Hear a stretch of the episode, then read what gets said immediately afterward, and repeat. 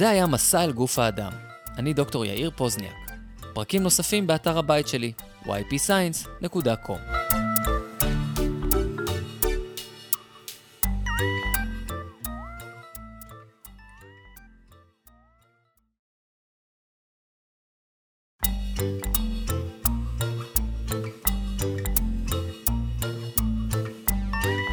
מסע אל גוף האדם, פודקאסט לילדים, כותב דוקטור יאיר פוזניה, מגישים יואב ויאיר פוזניה.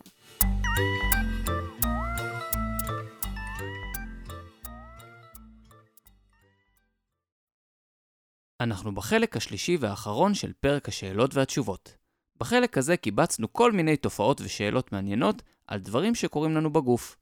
אבל לפני שנתחיל, גם אני וגם יואב רוצים להודות לכם על 100 אלף האזנות לפודקאסט. וואו!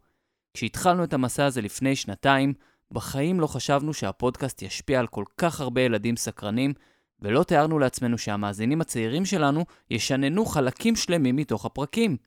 אז בעצם אתם, המאזינים שלנו, החלק הכי חשוב במסע שלנו. תודה רבה רבה. יואב, קדימה, החלק האחרון.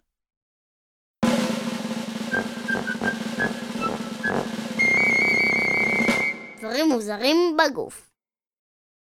שלום, קוראים לי איתן, אני בן שבע וחצי מחולון, אני מאוד אוהב את הפודקאסט מסע על גוף האדם, ורציתי לשאול למה אנחנו מפהקים.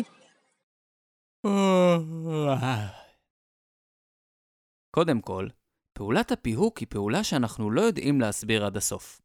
כמו הרבה תופעות בגוף האדם, גם פיהוק הוא משהו שככל הנראה יש לו משמעות או השפעה שאנחנו עדיין לא מבינים. בואו נתחיל מההתחלה. פיהוק הוא רפלקס, כלומר משהו שעושים באופן אוטומטי, בלי לחשוב עליו. הפיהוק כולל פתיחה או מתיחה של הפה, שאיפה עמוקה ונשיפה עמוקה. יש כמה הצעות לחשיבות של הפיהוק. קודם כל די ברור שפיהוק מאפשר להכניס יותר חמצן ולפנות יותר פחמן דו-חמצני מהריאות, אז אולי פיהוק הוא דרך של הגוף להגיד לנו שחסר לנו חמצן בדם, או שיש יותר מדי פחמן דו-חמצני. יכול להיות.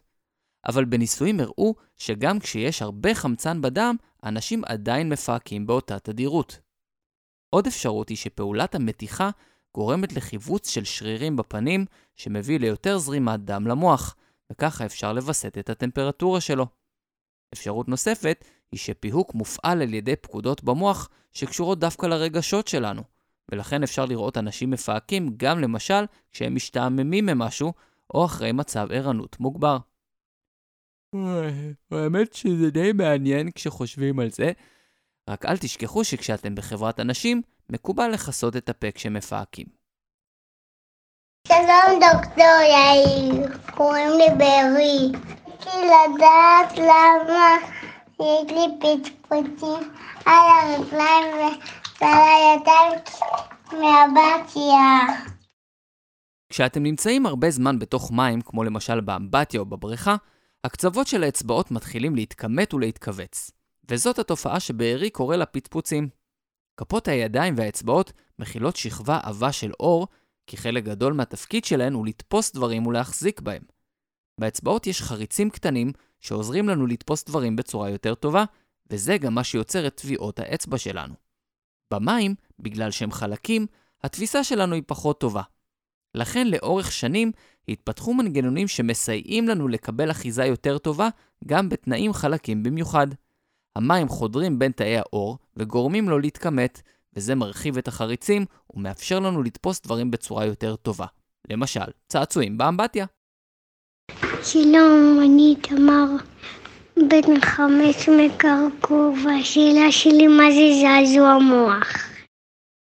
אנחנו כבר יודעים שהמוח הוא המפקד של הגוף, והתפקיד שלו הוא לקלוט מידע מהסביבה, לעבד אותו ולשלוח הוראות לתאים ולאיברים בגוף.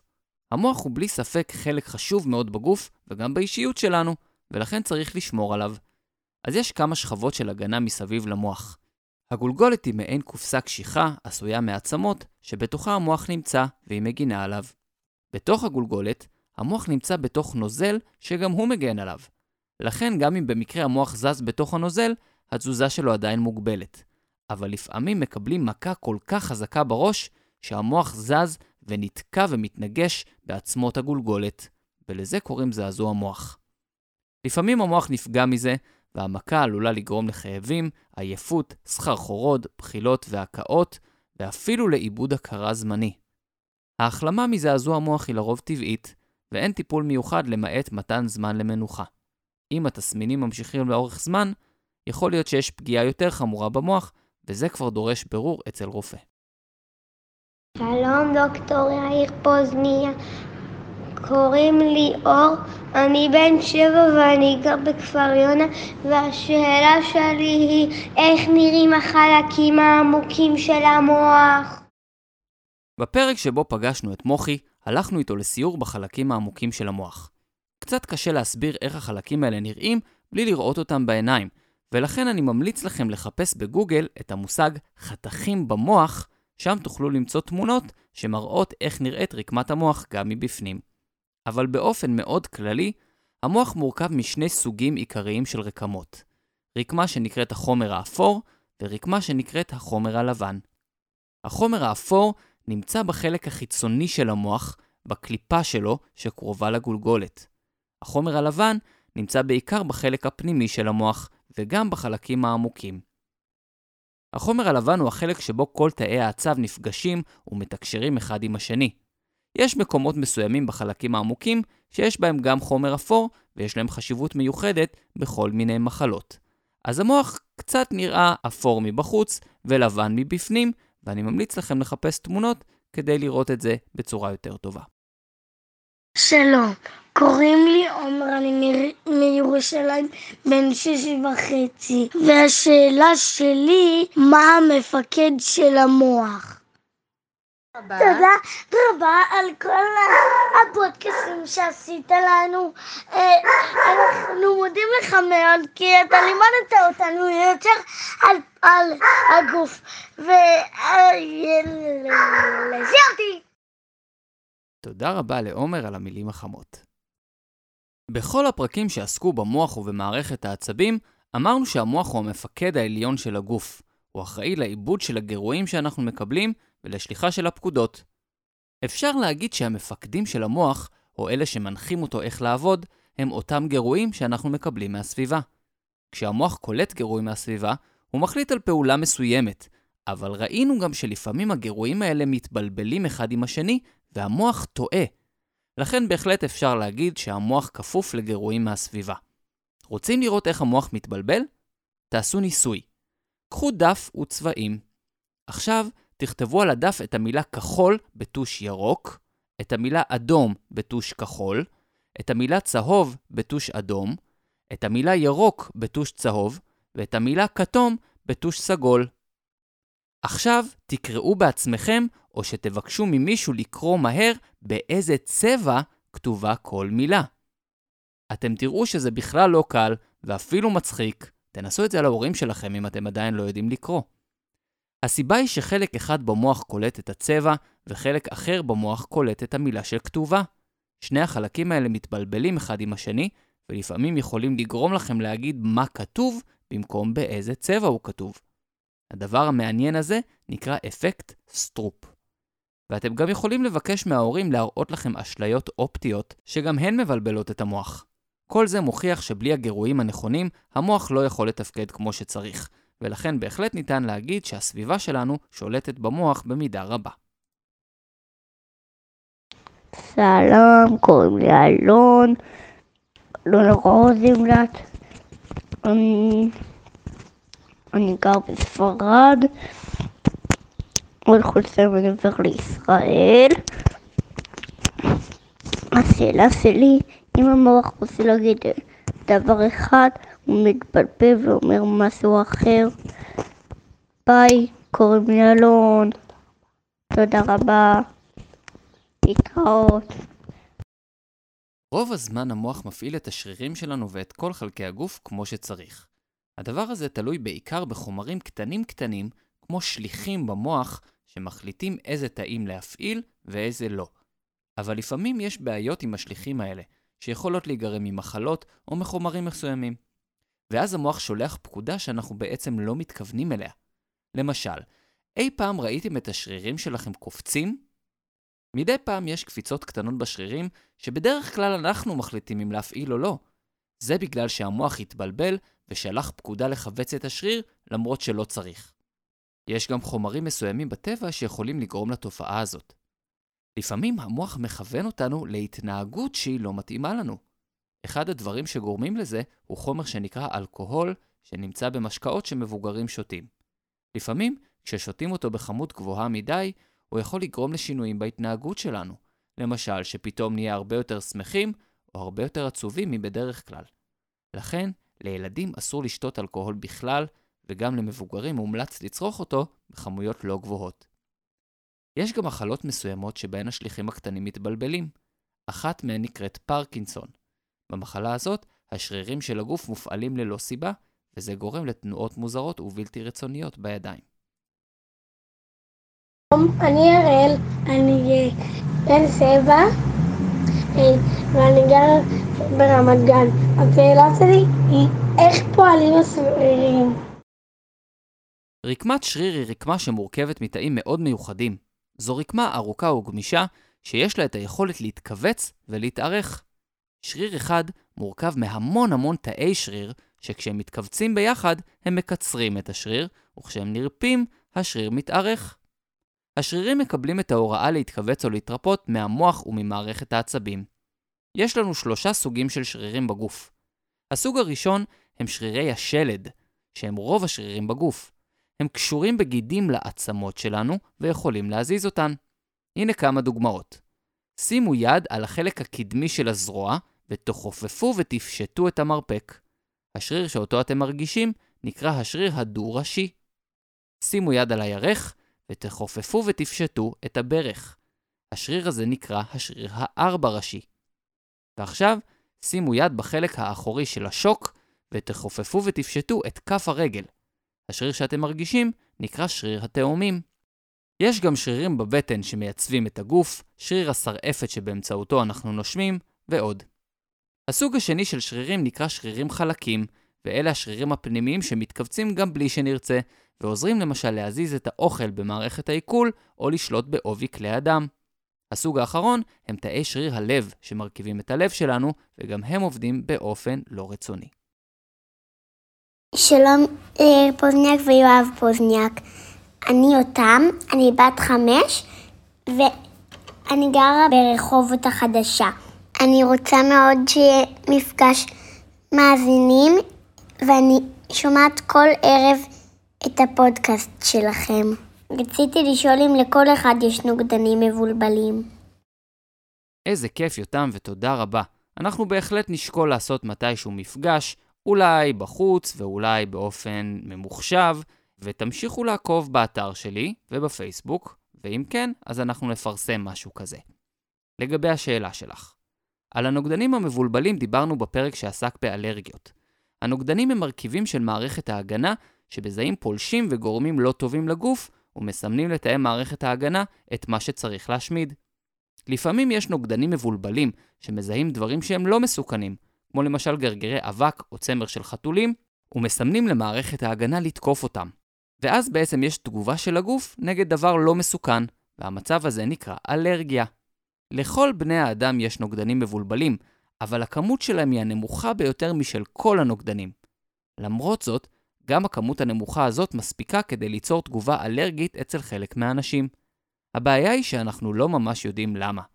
אנחנו לא יודעים למה אנשים מסוימים אלרגיים לחומרים מסוימים ואחרים לא.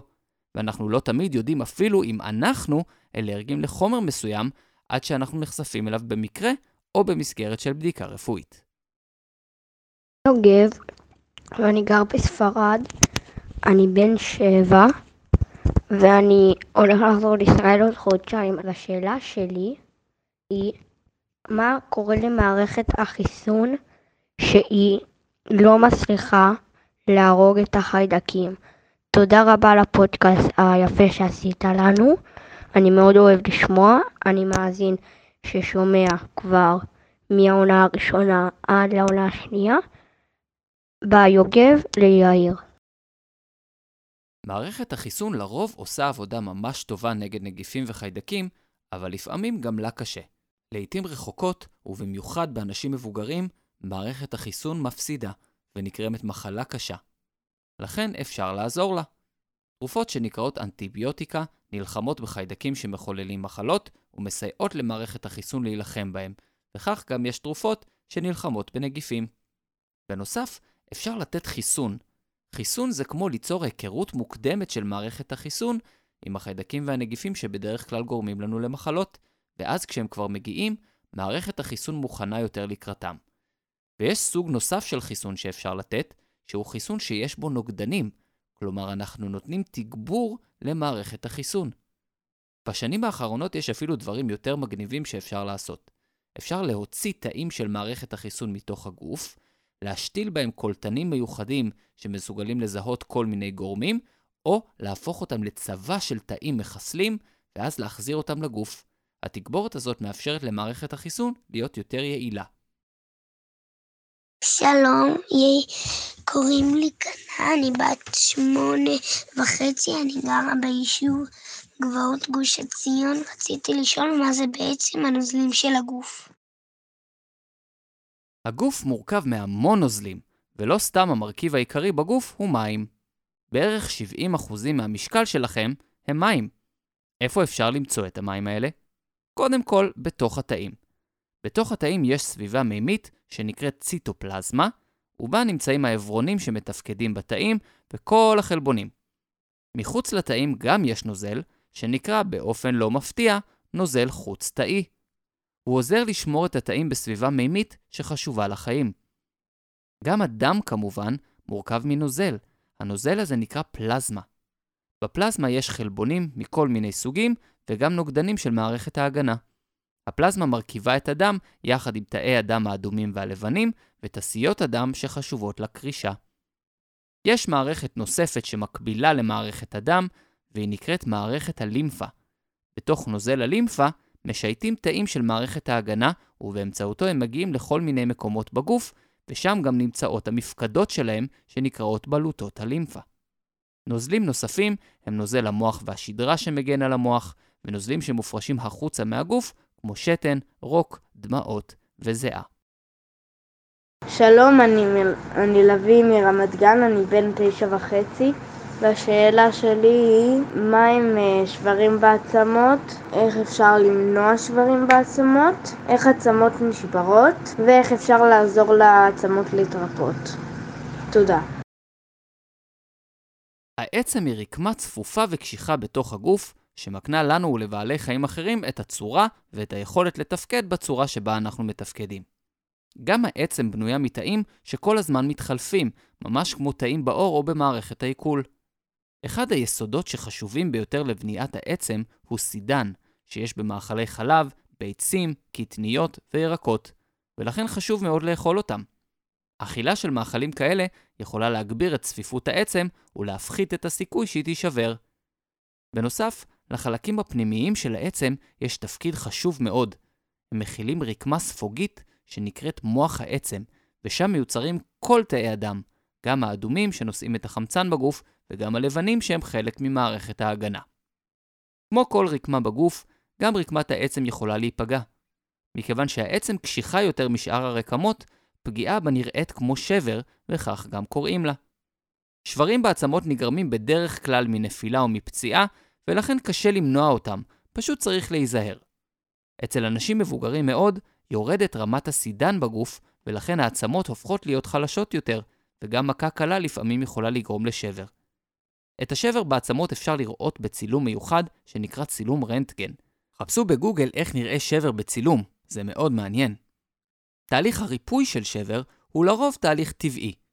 מכיוון שחשוב שהאזור שנשבר יהיה במנוחה, אפשר לשים תחבושת עבה או גבס שמקבעים את המקום ומאפשרים לו להחלים. במקרים יותר קשים, אפשר להכניס לגוף מסמרים שמסייעים לבנות סביבם את העצם החדשה. שלום, אני ליב, ואני בת חמש וחצי, ואני מתל אביב. השאלה שלי היא, למה אנחנו לא מצליחים לנשום מתחת למים כמו דגים? מתחת למים אין אוויר. זה לא אומר שאין שם חמצן, דווקא יש. אבל זה אומר שהריאות שלנו, שמותאמות לשאיפה של אוויר, לא יכולות לתפקד בצורה שבה הן מותאמות לתפקד. אנחנו לא יכולים לבלוע מים ולסמוך על החמצן שיש שם. לעומתנו, דגים דווקא כן יכולים לסמוך על החמצן שבמים. יש להם זימים שהמים עוברים על פניהם והחמצן נכנס ישירות אל כלי הדם, אבל לנו אין זימים. לכן הדרך היחידה שבה בני אדם יכולים לנשום מתחת למים, היא לחבר אותנו למקור של חמצן או אוויר. למשל, למשוך שנורקל שקצה אחד שלו נמצא בפה והקצה השני מחוץ למים. או אם צוללים יותר עמוק, להשתמש בבלון חמצן שמחובר לגב. או כמובן, כמו שראינו בפרק השני בעונה, להשתמש בכלי יותר גדול כמו צוללת, שיכולה גם לייצר חמצן בכוחות עצמה לאנשים שנמצאים בה. שלום, קוראים לי שירה, אני מירושלים, אני בת חמש. שמעתי את, ה, את העונה הראשונה פעמיים, ואני מאוד אוהבת את הפודקאסט, ו, ו, ורציתי לשאול אם דקדוקים זה, זה, זה רגישות. וגם אביתר, שפגשנו בפרק שעבר, שואל, למה שמדגדגים אותנו בבית השחי זה מדגדג? שאלה מצוינת ויש לה גם תשובה מצוינת. לא יודע. האמת שאף אחד לא יודע להסביר למה אנחנו צוחקים כשמדגדגים אותנו. זאת אחת מאותן תופעות בגוף האדם שאין להם שום הסבר סביר. תחושת הדגדוג היא לרוב נעימה וגורמת להרגשה טובה, אלא אם היא חזקה מדי או נמשכת לאורך זמן. יש מקומות שהם יותר רגישים לדגדוגים, כמו בית השחי, הצלעות וכפות הרגליים. כשלא יודעים מה ההסבר של תופעה כלשהי בגוף, בדרך כלל מאשימים את האבולוציה. אולי זה משהו שבעבר נתן יתרון לאחד באבותינו, ופשוט נשאר כמו שהוא. למשל, אנחנו יודעים היום שכשקופים מרגישים איום, הם משמיעים קולות שנשמעים כמו צחוק. אז אולי זה שריד מתקופות יותר קדומות. אנחנו כן יודעים למה אי אפשר לדגדג את עצמנו. כנראה שבדגדוג, אלמנט ההפתעה הוא מאוד חשוב. אם אנחנו יודעים שאנחנו הולכים להיות מדוגדגים, זה פחות מפתיע, ולכן זה פחות מצחיק. דגדוגים זה לא בדיוק רגישות, למרות שיש אנשים שיותר רגישים לדגדוגים וכאלה שפחות. זה תלוי בתאי החישה שמרגישים את הדגדוג, והם שונים מאדם לאדם. שלום יאיר ויואב, אני קורן ואחותי לסם. רצינו לדעת מה קורה לגוף שלנו שהוא מתחשמל. התחשמלות היא מצב שבו זרם חשמלי עובר דרך גוף של בעל חיים, לרוב בעקבות מגע עם רשת החשמל, שקעים בבית או עמודי חשמל ברחוב. מכיוון שגם מערכת העצבים שלנו עובדת על עיקרון הזרם החשמלי, אחת התופעות השכיחות של התחשמלות היא קיבוץ מיידי וחזק של השרירים, וגם של שריר הלב. תוצאות נוספות יכולות להיות חום רב שעובר דרך האיברים וגורם לכוויות קשות, והשפעה משמעותית על תפקוד הלב והמוח, כולל הפסקת הפעילות שלהם. התחשמלות היא דבר מאוד מאוד מסוכן, שיכול להסתיים גם במוות, אז תיזהרו מאוד ליד כבלי חשמל בחוץ, ולעולם אל תשחקו איתם או עם שקעי חשמל בבית. שלום, אני עופרי שמחה אטיאס מירושלים. רציתי לשאול למה הלב דופק. תודה רבה. הלב הוא המשאבה הראשית של מערכת ההובלה. התפקיד שלו הוא להתכווץ ולדחוף את הדם כך שיגיע לכל התאים בגוף. אם אתם זוכרים את הפרק מהעונה הראשונה, ללב יש שני חלקים. החלק הימני מזרים דם לריאות כדי שיתמלא בחמצן, והחדר השמאלי מזרים דם עשיר בחמצן לכל תאי הגוף. כל צד של הלב מורכב משני מדורים. מדור עליון שנקרא עלייה, ומדור תחתון שנקרא חדר. בין העלייה לחדר יש שסתום. השסתום הוא מעין דלת כזאת, שאפשר לפתוח אותה רק לכיוון אחד, לכיוון החדר. השסתום הזה נועד כדי שהדם לא יחזור אחורה בטעות. כשהעליות מתכווצות, דם עובר את השסתום הזה בכיוון החדר, וכשהשסתום נסגר, זה מייצר קול בום. אחר כך, החדרים מתכווצים, והדם יוצא מהם אל העורקים שמובילים אותו ליעד. גם בין החדרים לבין העורקים יש שסתום חד-כיווני, כדי שהדם לא יחזור בטעות אחורה לחדר, וגם כשהוא נסגר, זה מייצר קול בום. ולכן כל פעימת לב מייצרת שני בומים, שמייצגים את התכווצות העליות ואחר כך את התכווצות החדרים. בום בום, בום בום, בום בום. אתם יכולים להרגיש את פעימות הלב אם תניחו שתי אצבעות באחד הצדדים הקדמיים של הצוואר, או בחלק שקרוב לכף היד. אה, של, שלום, אני ממש אוהבת את הפודקאסט. אני פאולה מרמלה. רציתי לשאול מה, מה DNA עושה שכל כך מיוחד שגורם למאפיינים של הגוף שלנו. ה-DNA הוא החומר התורשתי שנמצא בגרעין של כמעט כל תא בגוף. הוא מכיל הרבה מאוד הוראות שנקראות גנים, וכל גן אחראי לתכונה. חלק מהתכונות הן כאלה שאנחנו יכולים לראות, למשל גובה, צבע עיניים, צורת שיער, וחלק קשורות יותר לאישיות שלנו, למשל נטייה להיות שמחים או יותר כעסניים, אדישים או להוטים ועוד. כל גן הוא הוראות לייצר חלבון מסוים, והחלבונים הם אלה שעושים פעולות בתאים ומחוצה להם. למשל, בפרק הקודם דיברנו על הורמון הגדילה. יש גנים שמכילים את ההוראות לייצור של הורמון הגדילה, והוא אחראי לגובה שלנו. יש גנים שנותנים הוראות לייצר חלבונים שצובעים לנו כל מיני דברים בגוף, כמו עור או שיער, או נותנים להם צורה. ויש גם גנים שנותנים הוראות לייצר חלבונים שקשורים לתהליכים במוח ומשפיעים על האישיות שלנו. וכמובן שהגנים שלנו מועברים גם לצאצאים שלנו בתורשה, ולכן כל אחד מכיל חלק מהתכונות של ההורים שלו. אני שחר, אני אח של נוגה, אני לשאול איך הגוף של אנשים שונה מחיות. יש מקומות שבהם יש הרבה דמיון בין הגוף האנושי לזה של חיות, אבל יש גם הבדלים משמעותיים. מכיוון שיש כל כך הרבה חיות וכל כך הרבה דוגמאות, ניתן דוגמה לכמה דברים משותפים ולכמה הבדלים. נתחיל ממערכת הנשימה. לנו, בני האדם, יש שתי ריאות שדרכן מתבצע חילוף הגזים, חמצן ופחמן דו-חמצני, בין אדם לבין הסביבה. לכל בעלי החיים המפותחים יש ריאות, יונקים, זוחלים, וגם דו-חיים כמו צפרדעים וסלמנדרות. לעופות יש ריאות וגם שקי אוויר נוספים. אבל לדגים למשל אין ריאות, והחמצן שבמים נספג ישירות אל מחזור הדם שלהם דרך הזימים. בחרקים יש פתחים מיוחדים ברגליים ולאורך כל הגוף, שדרכם נכנס החמצן, אז אפשר בעצם להגיד שחרקים נושמים דרך הרגליים. מערכת ההובלה שלנו, בני האדם, היא מערכת סגורה, והיא דומה למערכת ההובלה של בעלי חיים מפותחים אחרים. אין לה כניסה ויציאה, וכל הזמן מתרחשת זרימה במעגל סגור.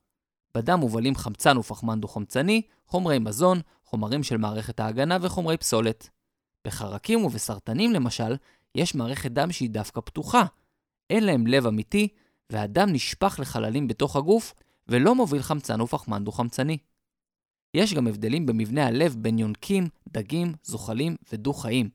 בחלק יש הפרדה בין אדם העשיר בחמצן לבין אדם העני בחמצן, ובחלק אין. גם היכולות של בעלי חיים שונים הן שונות. לבני האדם יש שרירים די חזקים ברגליים, אבל לא חזקים כמו אלה של פרעוש, שיכול לקפוץ לגובה של פי 100 מגובהו שלו. זה כאילו אנחנו היינו יכולים לקפוץ מעל מגדל עזריאלי. או למשל ברדלס, שמהירות הריצה שלו יכולה להגיע ל-100 קילומטרים בשעה, שזה כמו מכונית על כביש מהיר. זהו, עד כאן העונה השנייה של מסע אל גוף האדם. איפה לא ביקרנו בעונה הזאת? בים ובחלל, במקומות שונים על כדור הארץ ובזמנים שונים בהיסטוריה. המשכנו לחקור את המכונה המופלאה שהיא גוף האדם, וגילינו שלמרות שאנחנו יודעים הרבה, יש עוד הרבה מאוד שאנחנו עדיין לא יודעים, ואולי אתם, המאזינים הקטנים שלנו, תהיו אלה שחוקרים ומגלים אותם. אז ממני, יאיר פוזניאק, ומיואב, המון המון המון תודה על ההאזנה, תודה על השאלות ששלחתם לנו, הייתם מאזינים קטנים ונאמנים, והיה לנו כיף לדבר איתכם. ומי יודע, אולי ניפגש מתישהו בעונה השלישית. וגם יואב רוצה להגיד, תודה רבה לכל מי שהקשיב, תודה לכל המאזינים, אני מאוד מעריך את זה, מאוד מאוד. אז יאללה, ביי.